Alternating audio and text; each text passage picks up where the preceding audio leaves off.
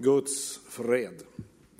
Jag vill begynna med att tillönska dig all den tillgivelse, glädje och fred som tillkommer dig i kraft av ett fullbrakt frälsesverk. Sök icke efter glädjen i dina födelser eller i ditt liv, men sök in till kompassen som säger vad som tillhör dig i kraft av ett fullbrakt verk. Låt oss be. Ja, Herre, låt oss i vårt armod känna kraften från ditt rikebord. Det är vi helt avhängiga av. För du vet, Herre, att det som icke ditt ord och din helige ond får uträtta i våra liv, det blir icke uträttat. Det blir människoverk. Och det förer icke fram. Så se i nåde till oss. Och rör vid våra hjärtes lik att eh, icke allt det andra får hindra oss i att vara mottagliga. Och så ber jag om allt det du ser att jag tränger till i denna stund. I Jesu namn. Amen. Ikväll så ska vi se lite i Markus 1 på mannen med den urene ond. Vi ska läsa lite ifrån eh, Salme eh, 14. Men vi ska starta med syv ord av Jesus som vi igenfinner i Johannes evangeliets 14 kapitel. Där han först säger, la icke deras hjärta förfärdes. Och sedan idag på morgonen har dessa syv ord ringt i mig. Tro på Gud och tro på mig. Tro på Gud och tro på mig. Det är Jesus som säger det. Alltså, i mina unga år så hade jag vanskelig för att tro på Gud. Jag må bara säga det. Inte sant? Jag är inte uppvuxen i ett kristet hem. Jag har aldrig sett min far och mor ville inte ha mig. Och jag var bara en olycka. Världen hade varit bättre om inte jag var blivit född, sa de. Eh, så där var min värdi satt. Och då var det naturligt att söka min identitet på gatan. När det gick galt på skolan så tänkte jag, ja självklart, du skulle aldrig ha varit född. Jag var inte god på någonting. Men jag fann min identitet på gatan. Jag blev bäst på att vara värst. Och så blev jag ledare, så fick jag en identitet. Och alltså, som jag sa, jag hade vanskligt för att tro på Gud. Eh, egentligen ville jag ju inte tro att det fanns någon Gud. Men det är klart att jag ante ju att det måtte vara ett eller annat eller något. Även om det inte var så definierat för mig. Och även om vi den gången hade lite bibelkunskap på skolan, jag hade ju läst om Daniel i lövehulen och han där Josef som blev hiva i brunnen och lite. Men alltså min kännskap till Gud var ju lik med noll. Jag gjorde mig ju någon tankebilder, men det hade ju ingenting med verkligheten att göra. Och Guds ord säger att troen kommer av att höra. Och jag hade ju inte akkurat hört någon förkynnelse i min uppväxt, för att säga det så. Och så skjulte jag mig bak den här lögnen. Det är så vanskligt att tro på Gud. Som om det skulle vara lättare att tro på något annat. Och som jag sa, att ingen kan bevisa att Gud finns, och det är ju sant. Men jag förträngde ju den andra parten som säger det är akkurat lika vanskligt att bevisa att han inte finns. Men det vill jag ju liksom inte ta tag i. Man sorterar ju lite för att göra det lätt för sig. Och så snackade om att det fanns så många religioner i världen. Och i någon land så trodde de på den guden och i ett annat land trodde de på den guden. Och vem var de kristna som var så säkra på att de hade rätt? Och även om jag av och till ante att det var något mer än bara det ögat såg, så var jag så upptatt av min egen lycka. För jag var olycklig. Jag var ju närmast värdelös. Och då gällde det ju att finna lycka, trodde jag. Och så jaktade jag på det. Och så blev jag så upptatt av allt som finnes i den här världen. Men det kan ju inte hjälpa så väldigt. Det var en klok man som heter Salomo. Han sa att det finns ingenting nytt under solen, sa han. Och det hade han rätt i. Du vet, när han startade så hade han kontakt med han som var oven solen. Men den miste han. Och så begynte han att söka sin lycka i allt som fanns under solen och där finns det ingenting nytt. Ska du uppleva något radikalt nytt i ditt liv må du få kontakt med han som är oven solen. Ja. Och alltså, de flesta i vår tid spör icke efter noe. Nej. I ett samfund som är fullständigt dominerat av välfärd, självupptatthet och egoism så har ju de flesta sannheter också kort bäst för dato. Sån är det. Och ingen spör i vår tid när de får höra om något, är detta bestående? Är det beprövat? Det enaste som är viktigt idag det är om det är nytt. Nu aldrig, vi har aldrig sett eller hört för. Förr spurte man, det är inte många år tillbaka, så spurte man, är det här prövat? Är det funnet att det håller mål? Hur länge är det testet? Hur väl är det testet? Och vem har testet det? Idag är kriteriet, det ska vara något nytt. Som jag sa, som vi inte har sett och hört för. Och i en slik tid, med en kultur utan Gud, så är det naturligt att man förlater sannheten, för den har ju funnits så länge. Tänk det så toppligt. Det här är ju så gammalt. Ja. Det här har ju funnits så länge, så det må vi göra oss färdiga med. Det är ont att leva i en sån värld. Och slik de flesta människor så ville jag tro att jag tillhörde det de kallade det moderna människan. Du vet att varenaste ny generation tror att det är de som är de moderna människor. Och jag ville ju gärna höra dit. Eh, för eh, motsatsen, eh, det var ju liksom att vara efter sin tid, som man sa, och det var visst farliga grejer. Och det är klart att när det är tidsånden som ska avgöra vad som är sant, då blir ju det virkeliga sannheten något man kallar för dårskap. För ingen spör längre efter hur sant det är, eller hur väl beprövat.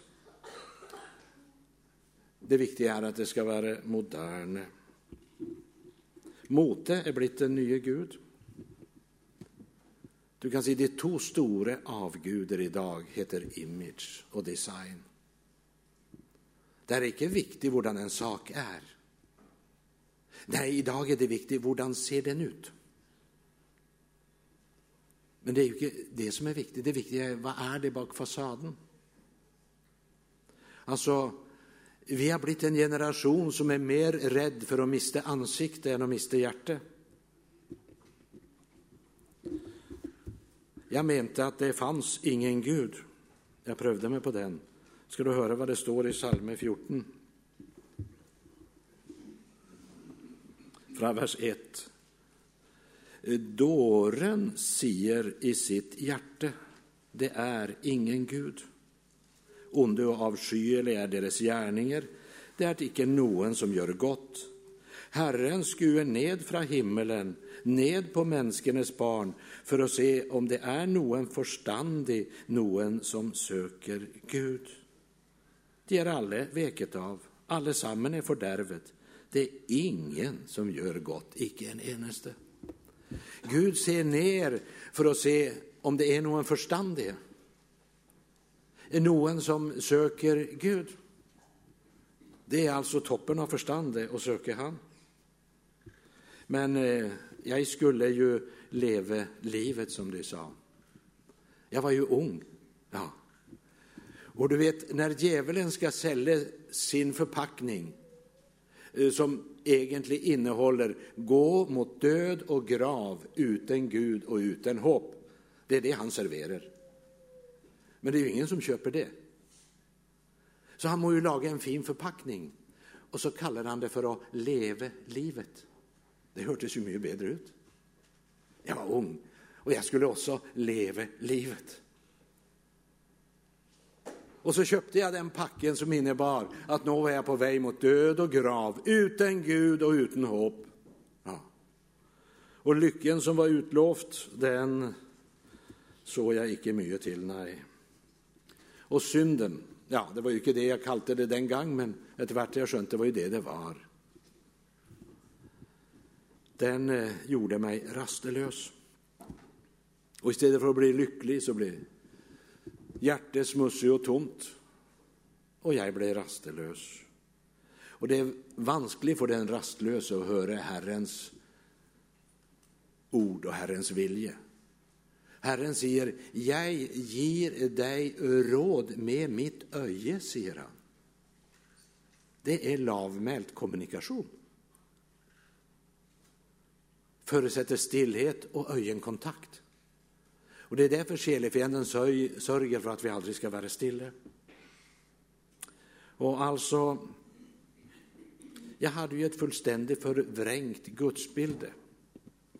Å ena sidan så sa jag att det inte fanns någon Gud, samtidig ante jag att något måtte det vara. Men du kan säga, mitt gudsbild var ju så förvrängt att jag tänkte, visst det finns en Gud.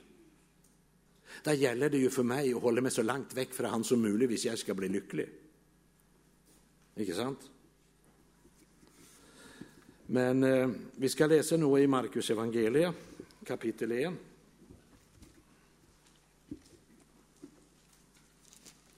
Från vers 21. De gick så in i Kapernaum och på sabbaten gick Jesus strax in i synagogen och lærte. De var slått av undring över hans läre, för han lärde dem som en som hade myndighet och icke som de skriftlärde. Då var det i synagogen deras en man med en uren ond. Och han skrek höjt och sa, vad har vi med dig att göra, Jesus från Nasaret? Du är kommet för att ödelägga oss. Jag vet vem du är, du Guds helige. Men Jesus truet dem och sa, ti stille, far ut av ham. Och den urene onden rev och slet i ham, skrek med höj röst och for ut av ham. Da ble alle forferdet, och de spurte hverandre, vad är detta? En ny läre. Med myndighet befaler han till och med de onde åndene, och de adlyder ham. Och ryktet om ham kom strax ut överallt däromkring i Galilea. Det här som Markus evangeliet beskriver i kapitel 1, det är både en rent fysisk men också en åndelig verklighet. Och så ska vi huska att i den verkligheten är det alltid Gud som har kontrollen. Och så när det inte ser sån ut. Om jag ser ut över världen idag så ser det ut som ondskapen fullständigt florerar. Det ser ut som Gud har mistat kontroll och makt. Men det stämmer inte det. Inte sant? Det är inte så att Gud en morgon slår upp i morgonavisen och ser vad som har skett och blir överraskad. Han har fullständig kontroll. Gud är på tronen ännu och han kommer sina i hur. Du ser, det här som kommer nu av ondskap, det är föreskrivet. Det ska bli sån eh, för Jesus kommer igen. Och så tänkte jag på det här de skriftlärde. För den här mannen med en uren ond, han kom till synagogen. Och de skriftlärde, de som skulle vara de åndelige vägledare, folkets ledare som skulle hjälpa dem att finna den väntade Messias, de hade icke pejling om vem Jesus var. Men det visste den urene onden. Hans bekännelse är faktiskt klarare än många präster och predikanter idag. Det må jag säga. Jag vet vem du är, du Guds helige. Och lägg märke till vad han säger. Vad har vi med dig att göra? Och för det andra, du är kommet för att ödelägga oss. Ja, det är vrangbildet av Kristus som den urene ond har. Och det värsta är att jag möter många människor idag som har det bilden av Gud. Man tror man ska få det grejt bara man får vara i fred för Gud. Och när vi vänder Gud ryggen, då blir ju vårt gudsbilde formet av lögnaren. Och när gudsbildet är förvrängt, då tror man att hvis Gud kommer för när så blir det inte grejt för mig. Och så i mötet med Guds barn eller med den troende menighet så säger man, la mig vara, la meg være. Jag, jeg vill inte ha något med menigheten att göra. Jeg jag vet hur det är med de religiösa, la mig vara i fred, det här är ikke något för mig. Altså, jag må vara klar över som ett Guds barn att väldigt många i Norden i dag har det gudsbildet. Och de har ingen kunskap. Som någon välmenande och ivrige ungdomar sa till någon andra ungdomar ute på gatan där i Umeå. Jesus är svaret, proklamerade de med frimodighet. Och de som lyttade var positiva. Ja, ja, ja, sa de. och, och vad är spörsmålet? För de visste inte vad han snackade om. De hade ingen bakgrund. Vi må begynne helt från grunden idag. Och så ska vi huska det att Kristus tro, det är icke verklighetsflykt. Det har livet lärt mig. Kristus tro, det är att ta sin tillflykt till han som är verkligheten själv och som har makt att hålla mig i liv. Alltså, du må inte tro, käre vän, att Gud är en trussel mot ditt liv och din lycka.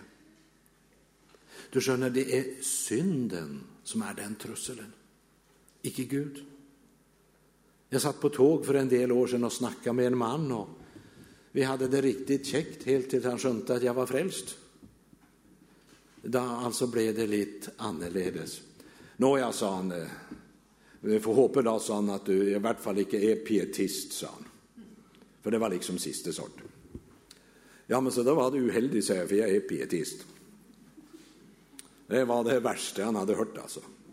Ja, så då hade du inte hört så mycket. Men alltså tingen är det, du har snodd ting på hodet. Ja, sa för det var ingenting som hade skapat sån sorg och olycka och så mycket angst i det svenska folk som pietismen. Jag säger, jag vet att av och till gick det nog under namnet pietism som bara var mänskliga lärdomar och regler och bud skapta människor och det, det är inte pietism. Men jag sa pietismen har aldrig skapat angst hos någon människa. Det är det synden som gör. Och så kommer pietismen och avslöjar synden och då kommer angsten. Men den kommer inte från pietismen. Den kommer från synden. Synden den fyller det med tomhet och med angst.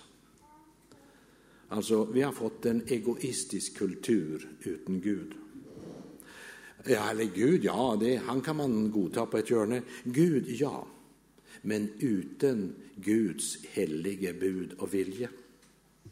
I kristendom, ja, men utan Kristi efterföljelse. En marknadstillpassad, kravlös kristendom som undskyller synden och ger människorna falsk tröst. Och jag har tänkt på alla de som ger falsk tröst. Be för dem. Skriften säger att det ville vara bättre för ett människa om en kvarnsten blev hängt om halsen och han blev kastad i havets dyp. Det ville vara bättre än han får leva och förföra ett enaste människa. Ja, men alltså. Tänk de religiösa ledarna, de visste icke vem Jesus var. Så i synagogen var det icke hjälp att få. Men den urene ånd var icke i tvil ett ögonblick. Du är kommet för att ödelägga oss. När ett mänske tror, eller vi kan se, viss gudsbild är så ödelagt att mänsket tror att Kristus tro och helliggörelse är en trussel mot liv och framtid.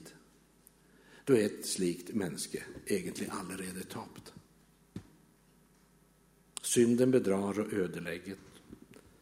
Och syndefallet har skett. Och syndefallet skadar trängt dypt i oss alla. Jag må inte glömma det varje dag att ja, jag är född på ny, jag har fått en ny natur. Men det er også noe i meg som trekker den andre vei. Du er kanskje frommere og helligere enn hva jeg er, men mer enn én en gang når jeg liksom skal slå opp og sette meg ned og lese, så er det jo noe i meg som vil. Jeg vet jo det her i livet. Og så er det samtidig noe som ikke vil. Og så mange ganger synes den der som ikke vil Du vet, Det er lettere å trekke nedover enn oppover. Då ska du inte bli missmodig och tro att jag tänkte en stund jag kan ju inte vara född på ny, som har det sån. Och jag tänkte, tänk visst folk visste oss när jag hade det, och så ska jag liksom preke för andra. Ja. Men alltså, så var det noe som kom med till hjälp. Det var som Herren sa, du bär på de här två naturer. Se bara till att den rätte natur får säga det. Og så Av og til nå når jeg snakker med noen, og så snakker vi litt om det her med tro og bønn og helliggjørelse. Ja, men sier jeg, nå må du ikke gjøre det åndelige enn hva du er. Det du snakker om der, det er da ikke naturlig. For hvem? For det gamle eller det nye mennesket? Det må du alltid spørre det. När det är någon tanke som kommer och du tänker det vill jag, det skall jag, så må du spørre är det det gamla eller det nya mennesket. Är så vårt evangelium likevel skjult, skriver Paulus, så är det för de som går fortapt det är skjult.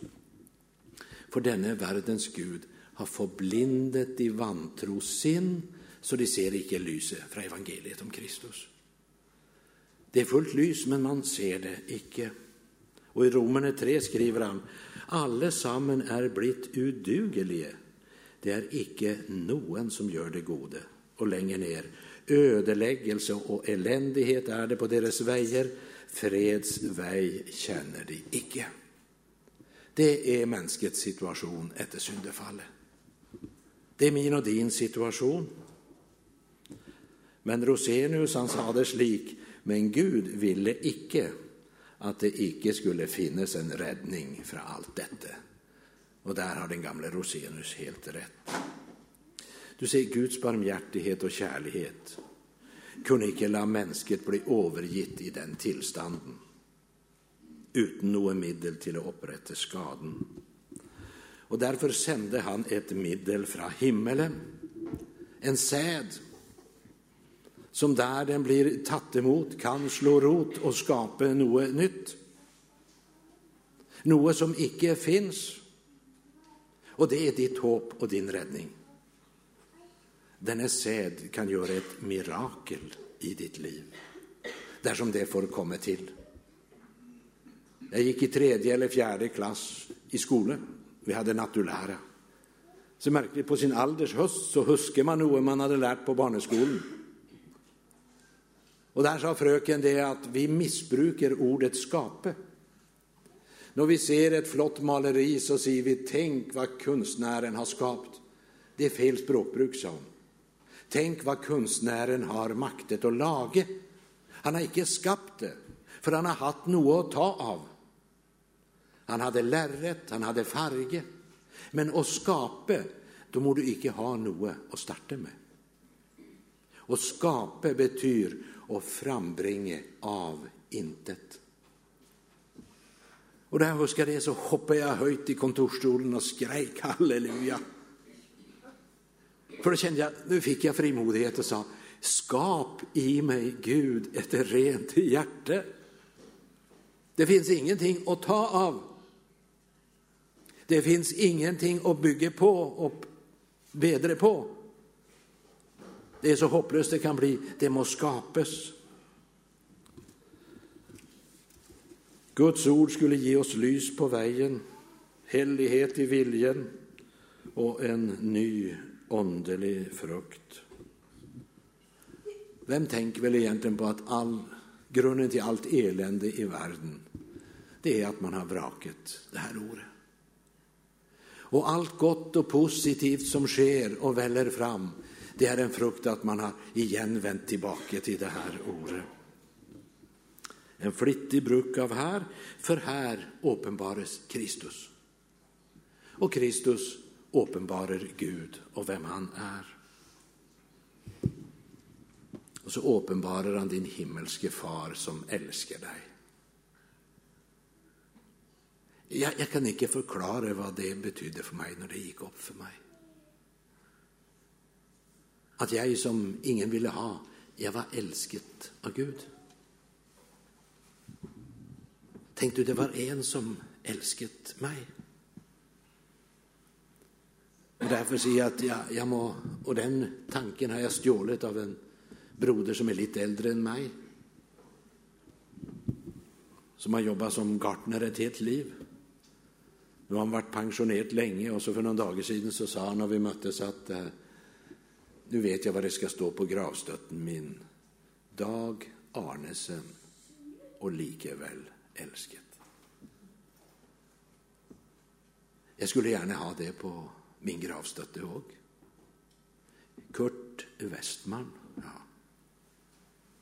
Och så skulle jag lust att skriva genomskuet och likväl älsket. Halleluja. Jag, är icke älsket på grund av det jag har grejt att skjule. Hvis du visste allt om mig var det inte säkert du ville komma för att höra mig en gång. Men, men jag är genomskuet av Gud och älsket. Och det är klart att jag vill ta vara på dem. Så Gud han önskar genom sitt ord att ge dig ett rätt gudsbilde. Och så ett rätt bilde av dina medmänniskor och icke minst ett rätt bilde av dig själv. Och skulle du vara här ikväll som icke lever med Jesus, du har hört om han och känner andra som känner han, så vill jag bara säga att jag kan icke tvinga dig till att omvända dig ikväll. Men jag ber dig om att nöje läsa igenom hela Nytestamentet. Läs igenom det, gärna ett par gånger. Evangelierna och breven. Och när du har gjort det ska du ta dig god tid och tänka, är det verkligen Jesus som är en trussel mot min lycka?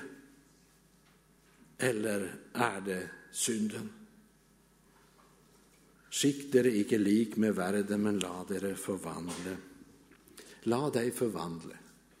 La det Gud allerede har gjort i ditt liv få en virkning i praktiken. Så ska han nå göra sin gärning. Och för att sätta det på spissen lite. Är du uenig må du gärna ta mig etterpå, så ska jag visa var jag har det fra. Men det hade ju varit dypt tragiskt, vänner, Viss Guds nåde bara var en juridisk handling som visserligen gjorde att jag slapp att gå förtapt, men som därefter icke hade kraft till virkelig förändring i mitt liv. Hvis nåden icke var nog till en förändring i livet, så vill evangeliet vara det mest tragiska och förmaningarna i skriften de mest meningslösa. Jag ska citera en ungdomsledare i Sverige som heter Olof Edsinger. Han sa det slik för en tid sedan. Vår lätt är det icke att synge lovsanger som beskriver Gud som Herre och Konge, och å andra sidan får han icke förvandla oss i grunden. Men du ser, den som på djupet får möta Guds kärlighet och tillgivelse, han kan icke bli oförandrat. Och det är icke det att något ta sig väldigt samman och, och liksom begynna, men det är att få möta han och se det han som sätter oss fri. Där Jesus satte själen fri, bröt lyset fram på livets stig. För att säga det lite banalt. Kristi blod, det är kärlighet i flytande form, högkoncentrerat. Du som bryter länkar, löser trällers bond. Du ser, Gud, han tar din nödsituation dödsens allvarlig. Eh, vad ska vi säga, försoningen, det är inte en sån inre medicinsk kur mot ditt förvrängde gudsbilde. Men det är ett objektivt uppgör med synden, döden och djävulen. Där allt som är uppregnat i Romarbrevet 3 är medregnet. Och därför är det bara en väg att gå. Samma väg, varje dag. På ny igen och igen. Ja. Du som bryter länkar, löser trällers bond. Ja. Det vill säga, han, han tar itu med det som inte står i din och min makt. När jag är länket så är det som när fisken spräller i garnet. Ju mer den virvlar på, ju mer sitter den fast. Och då må någon komma och lösa. Och det är nöden för en predikant. Det är så få som har behov för det idag. Men finns du här ikväll, som jag säger, du är salig hvis du har uppdagat det här. I bergpreka så säger Jesus, saliga är de fattiga i ånden. I Holland läste jag en annan översättelse. Där stod det, saliga är de som förstår sitt åndeliga behov. Då kan det vara så dåligt ställt det vill. Salig är du om du förstår ditt underliga behov. Och så stod det i parentes under, som Gud önskar att väcka och fullkomment däcke. Och det är lycka. Det är att ha fred med Gud. Jag ska avsluta med det. Jag har hållit på lite länge ikväll, men trösta mig att det inte så ofta jag är här. Men alltså, som Gud önskar att väcka och fullkomment däcka. Ja. Jag mötte en man, jag var och prekade ett sted på en sån bibelcamping för en del år sedan. Och så hörde jag en svensk röst som sa, det är väl inte Kurt Westman, sa han. Ja, så jag ska väl föreställa det. Oj, så gammal du är blivit, sa han. Är det inte härligt med ärliga människor? Det var liksom inte något förakt i det. Det var ju bara ett sunt konstaterande. Klart jag begynner att bli gammal, jag är ju gammal. Han hade ju inte sett mig sedan jag var helt svart i håret, inte sant? Så enten begynner jag att bli gammal eller så har jag köpt för billig shampoo. I vart fall kvitt är det blitt. Och så sa jag, ja, sa jag, Karl, du har rätt. Den här kroppshydden, den förfaller visst lite raskare än jag skulle önska någon gånger. Men jag kan säga det är en ting med säkerhet. Det blir bara bättre och bättre för var dag. För jag har fred med Gud. Jag har aldrig sett min far, men likväl, jag vet varifrån jag kommer. Jag vet varför jag lever och jag vet var jag skall när jag dör. Och så får det heller bli någon tårar undervägs så ska finalen bli så mycket bättre.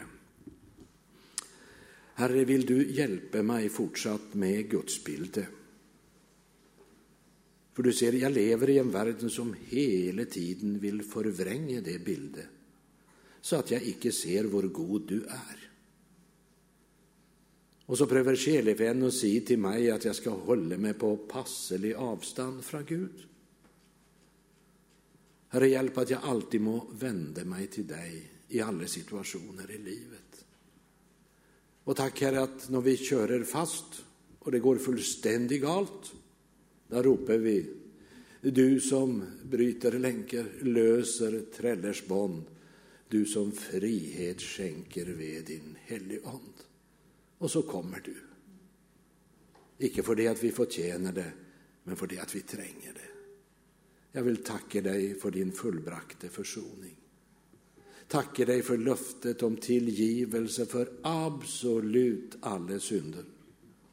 För ordets och ondens kraft till att resa oss upp på ny så vi kan gå upprejst genom livet. Och så ber vi om att få leva i det nära samfundet med dig. Amen.